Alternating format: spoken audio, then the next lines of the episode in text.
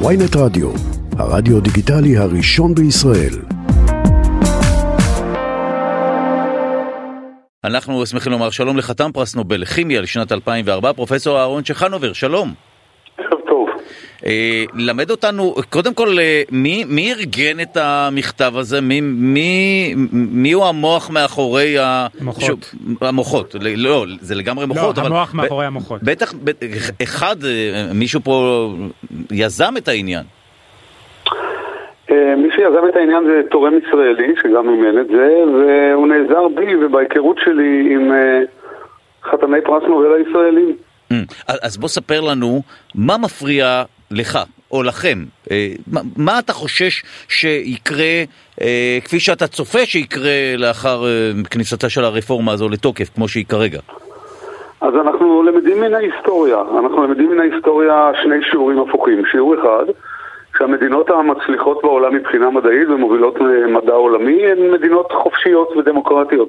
קח את ארצות הברית, קח את אנגליה, קח מדינות קטנות כמו שווייץ, קח את גרמניה שהתאוששה אחרי מלחמת העולם השנייה, קח את שוודיה, נורבגיה, קח יפן. ואנחנו לומדים את ההפך ממדינות שבהן השלטון הוא איננו חופשי.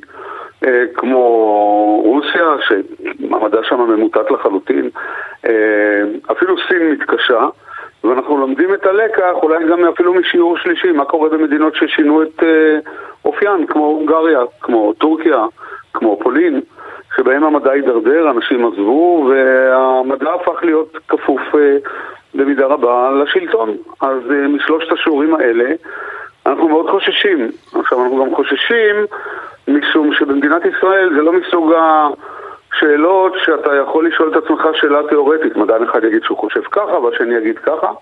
וברור לחלוטין שמדינת ישראל, המדע והמחקר בסופו של דבר, הם גם המנוע הכלכלי שלה וגם המנוע הביטחוני שלה. קח את התעשיות הביטחוניות, קח את הייצוא, קח את חברות ההייטק.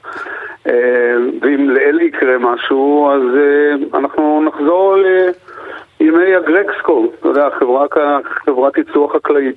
אבל פרופסור, אתם החלטתם כבר, שזה בסדר, זה, זה דעתכם, כן, שמדובר פה בחוסר חופש, כלומר ברפורמה שתבטל את החופש לרשות השופטת.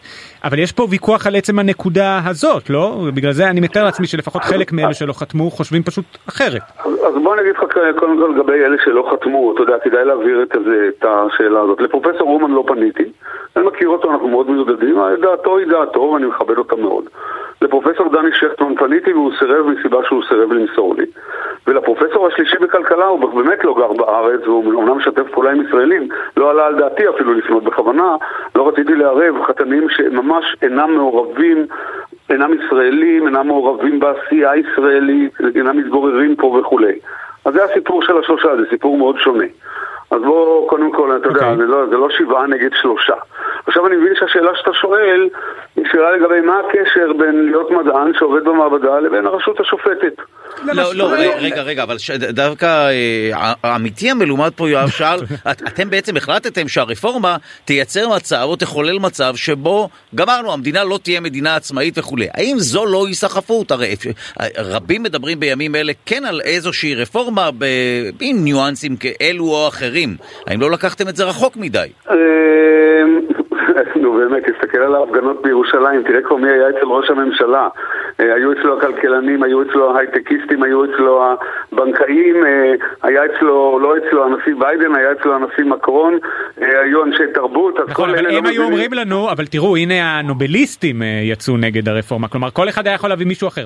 השאלה שלי הייתה טיפה שונה, היא, יש פה רפורמה מאוד ספציפית, רפורמה או לשיטתך אולי הפיכה, ויש בה נקודות מאוד ספציפיות, האם לא יכול להיות שיש ויכוח, הייתם צריכים לצורך לא, העניין להסביר למה הרפורמה הזאת לא נכונה? אתה לוקח אותי מהעניין של הנזק ברפורמה או במה שמוצע על המדע, אלא העניין הכללי.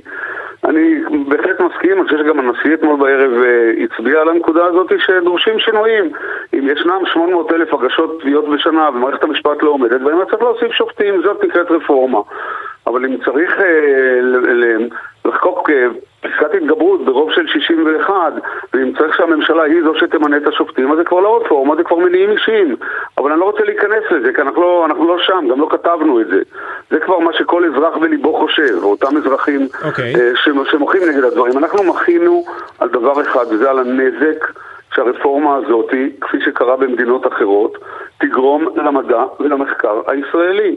על זה מחינו, וזאת אתה, הנקודה... אז בוא ניגע בנקודה הזאת, איך הרפורמה הזאת תפגע בהשכלה הגבוהה ובחופש האקדמי? אז, אה, אז תן לי להגיד לך, קודם כל, אתה יודע, חופש זה חופש, זה לא חופש שמוגדר לגזרות. אה, קח דוגמה, אני אביא לך דוגמה מרוסיה, אני לא רוצה להביא דוגמה ממדינות אחרות, ליסנקו, אותו גנטיקאי מפורסם שעבד תחת סטלין, אה, התכופף לגחמות הפוליטיות של סטלין והרס לחלוטין את, ה, את, את כל החקלאות הרוסית. רוסיה נכנסה בשנות החמישים לרעב נוראי. אתה זוכר את חרושצ'וב שדפק עם ה... אוקיי, אבל אני לא בטוח שזה רק מההפרדה של מערכת השיפוט אולי, אולי זה גם מזה שהם היו דיקטטורים רצחניים. פה נשאלת השאלה, למה הרפורמה הזאת תפגע בהשכלה הגבוהה? משום שללא ספק אה, האוניברסיטאות תהיינה על הכוונת, בואו עכשיו נחזור לארצנו, אוניברסיטת בן גוריון, מחלקות לממשל, לימודי אזרחות וכולי, יימצאו תחת פיקוח. יכולה להיות הדרה של אה, נשים מהוראה כפי שזה, יכולה, יכולה להיות... למה, למה נגיד הדרה של נשים מהוראה? למה? למה, למה, למה, זה, למה זה תלוי ברפורמה? משום, ש, משום שאם נגיד תהיה רפורמה שבה אם נרצה ללמד חרדים או אנשים דתיים, אז יגידו לנו, אנחנו לא, לא רוצים שפרופסוריות באוניברסיטאות תלמדנה, למשל. אוקיי. וכבר, וזה, וזה כבר קיים, וזה כבר היה, כי היו תוכניות ללימוד חרדים. יכולה להיות התערבות בתכנים לימודיים. לכן גם במדינת ישראל נבנה, אם אתה זוכר, נבנה הוות"ת. ונבנה המל"ג שמפריד בין הרשות המבצעת לבין האוניברסיטאות בדיוק כדי לייצר את החיץ הזה. והחיץ הזה עלול להתמוטט. ואז uh, תהיה התערבות בכל הנעשה בתוך האוניברסיטאות, בתכני לימוד, בהוראה, uh, אם הוועד המנהל ימונה על ידי הרשות המבצעת, ויש שם מרצה אחד שדעתו לא כדעת הרשות הזאת, לא כדעת הוועד המנהל, אז הוא עשוי למצוא את עצמו מחוץ לגדרות. יכולים להיות כל מיני דברים. מדע צריך להיות חופשי לחלוטין. לחלוטין. כך, כך, אני לא, לא אתה יודע, מטרת מדינה היא לא לקבל פרסי נובל. מטרת מדינה היא לשפר... זה נחמד. מטרת מדינה היא לשפר את איכות השבע בבריאות, בחינוך, בחברה, בסעד, בכל דבר, אנחנו לא מדברים. אבל תסתכל על פרסי נובל כמטאפורה. תראה מאיפה יצאו כל הפרסים, ותראה מה קרה למדינות שבהן התפתח משטר טוטליטרי. אני עוד פעם, אני לא רוצה להזכיר את גרמניה, אבל קח את הונגריה, 11 חתני פרס נובל, כולם עזבו, אף אחד לא היה שם, עבודתם הם עשו במקומות אחרים. אה, אבל זה, אני אומר את זה כמטאפורה, כי אני באמת לא חושב שפרס נובל הוא מטרה של מדינה. אבל אה, אני אומר, מדע לא יכול להתקיים במדינה שאין בה חופש. הוא לא יכול כי, כי חופש שולט על הגזרות כולם. הוא לא, הוא לא למבחנה של המעבדה או למיקרוסקופ. במכתב... אנחנו מאוד, אנחנו מאוד חוששים, אנחנו מאוד חוששים, ואת החשש הזה מביעים גם אחרים. אה, אתה יודע, בעיתונות הישראלית מלאה היה מאמר של גדעון לוי יום שישי בארץ. לא הייתה אזהרה של אודי קיין, של פרופסור אהוד קינן. אנחנו לא היחידים בדבר הזה, אבל החלטנו כן לקחת את שמנו, אני מקווה הטוב, אני לא בטוח בעיני מי, אה, ולהביא את העצומה הזאת ואת הבקשה הזאת גם לנשיא המדינה. ביקשנו ממנו לרדת מן הגדר, מנשיאי האוניברסיטאות ביקשנו לרדת מהגדר. נו, וראיתי למשל גם בעברית וגם בחיפה, אם אני לא טועה, ירדו מהגדר, מה אתה חושב על המסתרים אה, שלהם?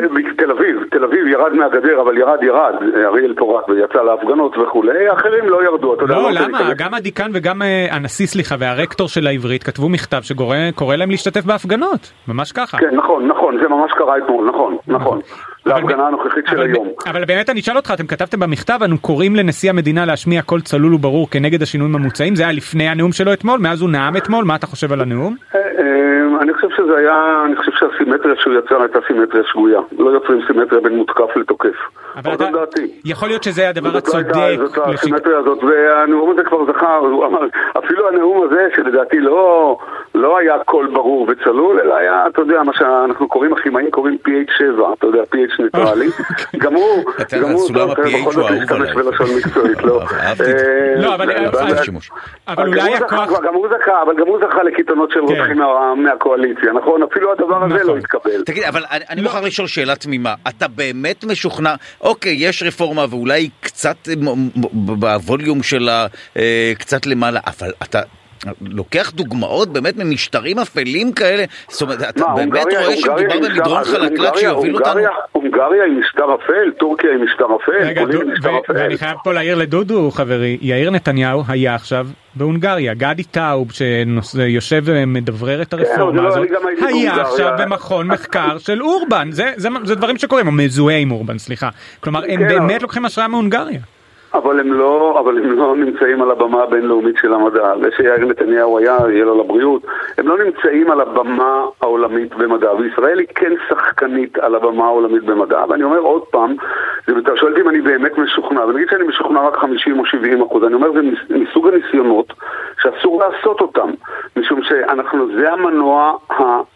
גם הכלכלי וגם הביטחוני, ואנחנו לא יכולים לאפשר לעצמנו, השכנים שלנו יושבים ומחככים ידיים בהנאה למה שקורה פה, וזה אנשי המודיעין אומרים לראש הממשלה. שכחנו גם את הסקטור הזה. אז, אז, אז זה מסוג המשחקים שאסור לעשות אותם, פרחנו פה. ראשי המדינה, אתה יודע, האוניברסיטאות במדינת ישראל, גם uh, האוניברסיטה העברית וגם הטכניון, קמו לפני שהייתה פה מדינה, היו אנשים שחשבו שביום שתקום מדינה נפתח פה מומחים והקימו אוניברסיטאות, אין לזה תקדים, כתבנו את זה בתולדות העמים. והנה עכשיו, הדבר הזה הוא מאוים, ואנחנו לא רוצים שהניסיון הזה בכלל ייעשה, כי הוא מסכן את עצם קיומה של המדינה. אה, פרופסור אהרון שחנובר, חתן פרס נובל לכימיה על שנת 2004 ועוד שלל תארים, אנחנו שומרים את הזכות גם לדבר איתך על נושאים מדעיים בעתיד. אם תסכים. והלוואי, זה מעניין הרבה יותר. כן, מה עם החלבונים והטאג הזה נכון, שמשמידים נכון, את עצמם? זה, תקשיב לי, לקראת השיחה הזאת, אני למדתי, כמובן בצורה שטחית מאוד, אה, אה, על שומה זכית, וזה באמת מסוג הדברים המדהים. שמע, מגיע לך נובל על זה. זה יותר חשוב. תודה רבה. זה באמת, תקשיבי, זה נשמע לי יותר מהותי מהרפורמה. ברור שזה יותר, זה החיים עצמם. מוצאים תרופות לחולי סרטן, על סמך נכון, לשים טאג על חלבון, והגוף יודע להרוס את הדבר. דבר, זה גאונות. סליחה, סליחה. אני מוכרח להחמיא לך על השיעור שלמדת. תקשיב, כי זה מה שמעניין אותי באמת, זה הדבר האמיתי, כל השאר זה קצת רעשי רקע. אני רוצה להגיד לך שבתור, כמשפט מסיים, בתור רופא שלמד רפואה והרופאים מטפלים בחולים אחד אחד, להשפיע על חייהם של מיליוני אנשים ולתת להם תקווה זה... זה, זה באמת...